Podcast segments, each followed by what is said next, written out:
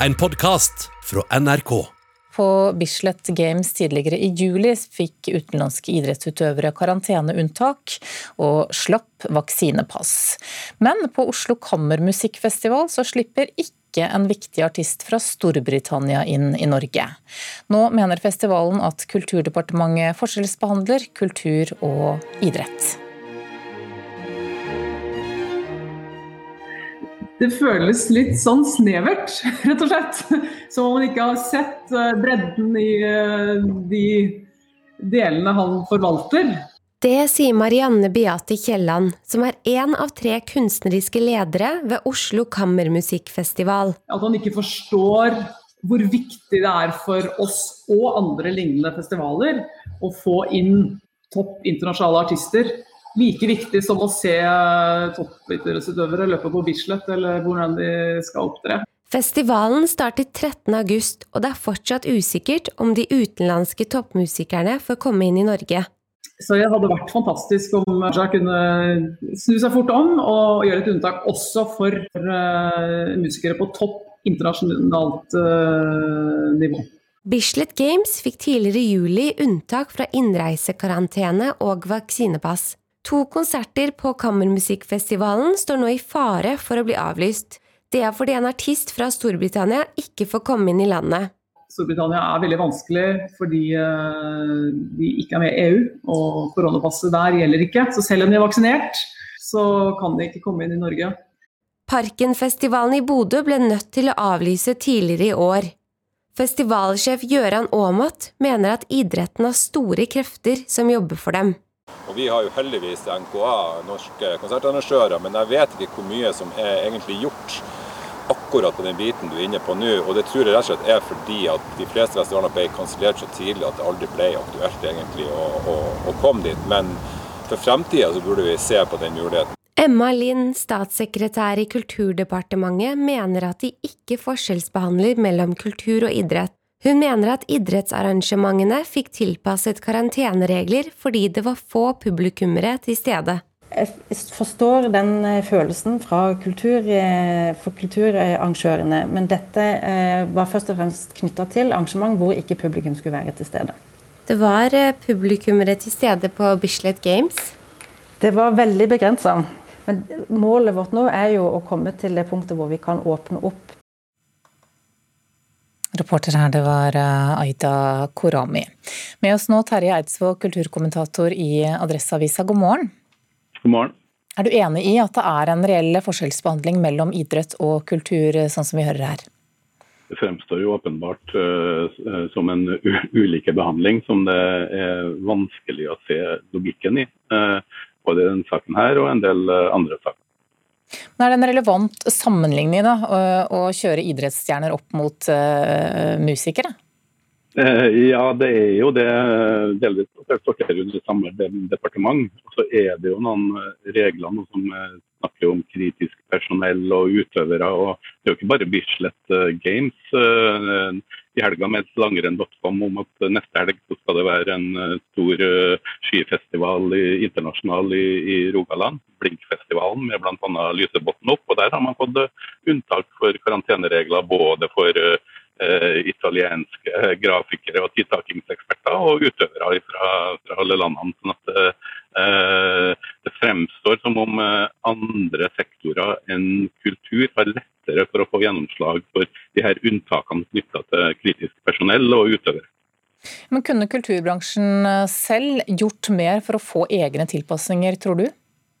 Eh, helt klart. Eh, I den aktuelle festivalen i Rogaland så, så skriver langrenn.com at her har både Norges Skiforbund, Norges Skiskytterforbund og ordføreren jobba lenge for å få til de her unntakene. og Man har kanskje også brukt NRK som brekkstang, i og med at eh, noe av det her nøkkelpersonalet skal brukes i sendinga her. Eh, så jeg tror nok at eh, små festivalarrangører fort kan bli for liten til å nå gjennom, og at her trengs det tyngde og støtte både fra organisasjoner og politikere for å få til de unntakene som jeg ser at det er flere av innenfor andre sektorer eh, enn kultur. Eh, kanskje hvis man ikke, i alle fall hvis man ikke har med f.eks. Tom Cruise på laget. Ja, men er det fordi de ikke har vært sterke nok, da, at, at, eh, eller at de har presset hardt nok på at vi, vi ser eh, disse ulike retningene?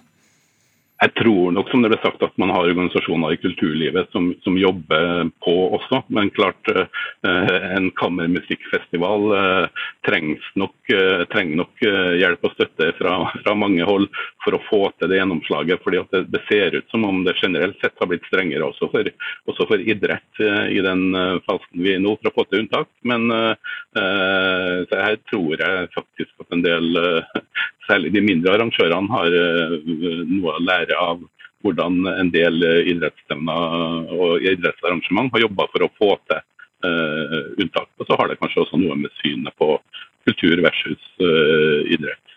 Hvordan da? Jo, at det er lettere å få forståelse for de her begrepene kritisk personell og utøvere uh, innenfor sektorer hvor det er, når det er snakk om uh, kjente utøvere, enn når det er snakk om en, en kammermusikkfestival, som jo er en, et, et, ganske lite arrangement, og sånn sett også burde være i tråd med det som det som departementet sa om lite publikum. Det er jo lett å skjønne at store festivaler som jo for lengst er avlyst, som Øya, Parken og stereo i Trondheim.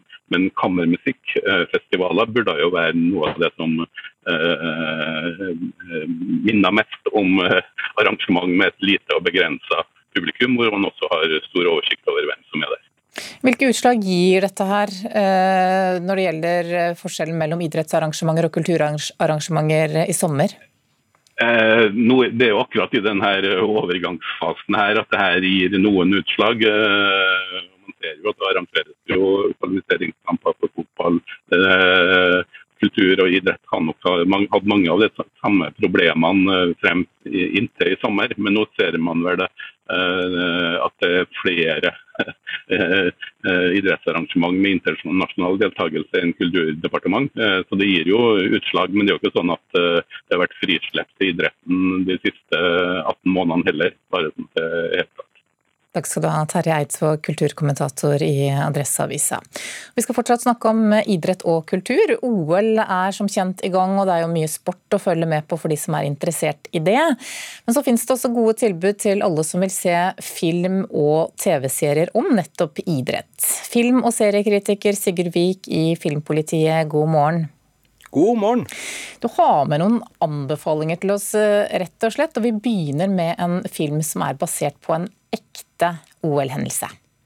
Ja, eh, Lillehammer-OL i 1994 står sentralt i filmen I, Tonja fra 2017, hvor Margot Robbie spiller kunstløper Tonja Harding. Og eh, Rivaliseringa mellom Tonja Harding og Nancy Kerrigan er jo en hendelse mange husker fra den tida, og dette er en film som har den i fokus, og også da ser tilbake på det angrepet på Nancy Kerrigan som skjedde i forkant av USA-mesterskapet i 1994, hvor eksmannen til Tonja Harding var innblanda innblanda. Men det her er også en sort komedie som forteller Tonja Hardings historie med nyanser og snert. Og det er en film som ja, nok vil overraske mange av de som tenker at de vet hva som egentlig skjedde i kulissene. For det her er en film som ser på klasseskiller i USA, og ser på hvordan Tonja Hardings uh, oppvekst og idrettskarriere var med å forme henne. Og Margot Robbie gjør en helt strålende innsats med å gi både humør og, og menneskelighet til Tonja Harding. Så det er absolutt en anbefaling. Den filmen er altså basert på en virkelig hendelse. Neste film du skal anbefale, det er en ren dokumentar? Det er en dokumentar om basketlegenden Michael Jordan, som fikk en tiepisoders eh, dokumentar på Netflix i fjor, som heter Michael Jordan den siste dansen. Og Den handler stort sett om eh, Michael Jordan sin basketkarriere med Chicago Bulls, men OL i 1992 i Barcelona blir sentral her, fordi da hadde USA vært litt sånn dårlig på den nasjonale arenaen når det gjaldt basket, men de samla da The Dream Team i 92, hvor Michael Jordan, Magic Johnson, Larry Bird og alle de store NBA-stjernene virkelig eh, ja, eh, dukka opp og ble samla, og de vant jo OL-gull da. og Det er også en hendelse som er med å sette eh, NBA på kartet som verdensomspennende fenomen, det er så mye popkultur inni det her. Det er så uh, festlig å se hvordan det her laget med alle disse superstjernene både hadde interne rivaliseringer, det var enkelte spillere som ikke kom med, muligens fordi det var andre spillere som ikke likte dem så godt pga. hendelser i hjemlig liga osv. Så, videre. så det er også virkelig en dokumentarserie som både eh, gleder med baskethistorikk, men som også har eh, noen OL-øyeblikk som er verdt å få med seg. Så er det jo sånn at Ikke alle idrettsfilmer foregår på banen, men kanskje like gjerne i kulissene eller på sjefenes kontorer. Og I denne kategorien så er det en baseballfilm som du mener utmerker seg.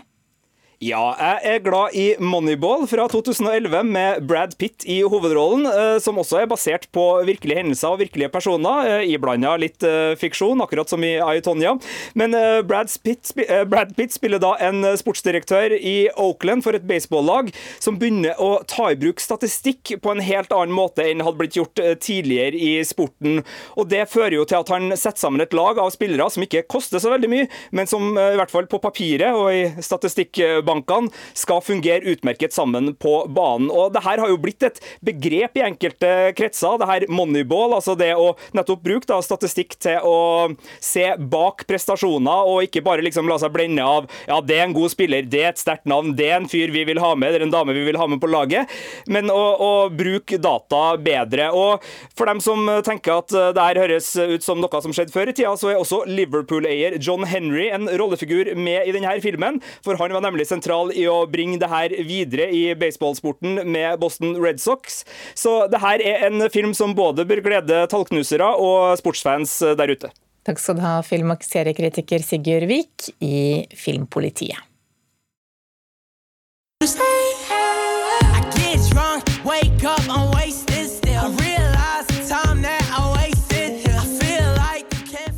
Det vi hører nå, det er en av de mest spilte sangene i verden akkurat nå. Og det er faktisk en norsk artist og produsent som står bak den, reporter Munever Yildiz. Ja, det stemmer. Det er den norske artisten og produsenten eh, Magnus Høiberg fra Halden, også kjent som Cashmere Cat, som er eh, tungt involvert i denne hiten eh, som heter Stay av Justin Bieber og The Kid Laroi, som siden 10. juli har toppet Spotify-listen i Norge og i en rekke andre land.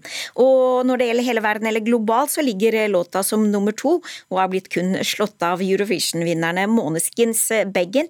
Eh, også en liten eh, fun fact om denne låta er at eh, Justin Bieber, som også er med på denne låta, har skapt historie ved å være den yngste soloartisten med 100 låter på Billboard Hot 100, da Stay gikk rett inn som nummer tre på listen. Så er det ikke første gang at Magnus Høiberg gjør det bra på hitlistene?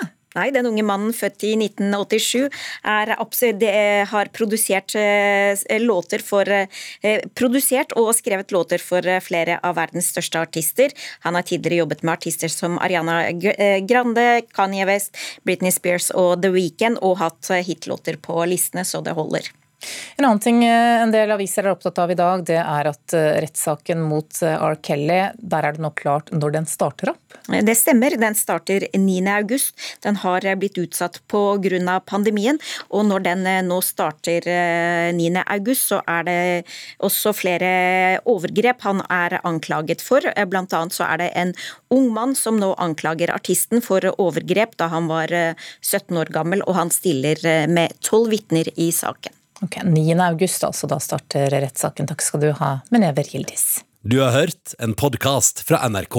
Hør flere podkaster og din favorittkanal i appen NRK Radio.